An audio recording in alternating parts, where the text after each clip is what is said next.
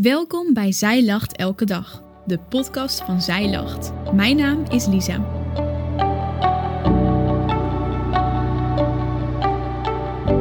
Dit is de overdenking van 12 juni, door Suzanne Verschoor.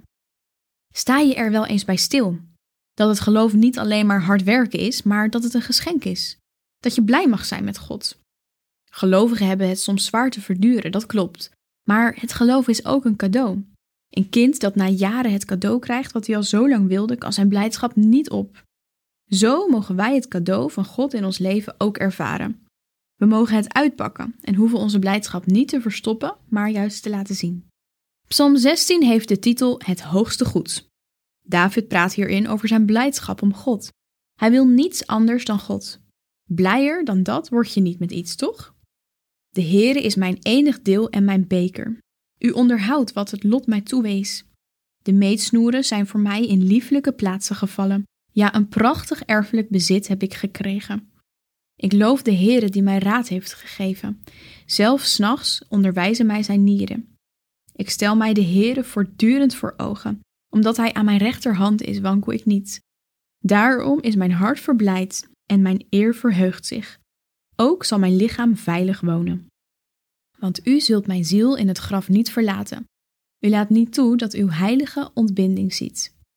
U maakt mij het pad ten leven bekend. Overvloed van blijdschap is bij uw aangezicht.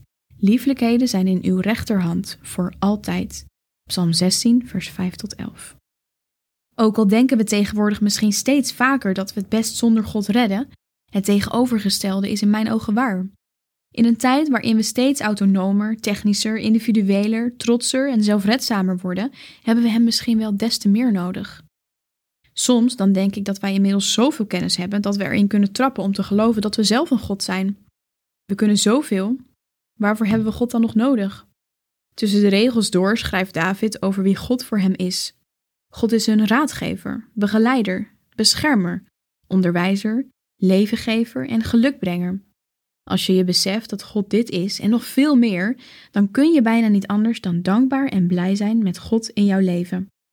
Wat een zegen dat wij Hem mogen kennen. In mindere tijden is een gebed soms makkelijker.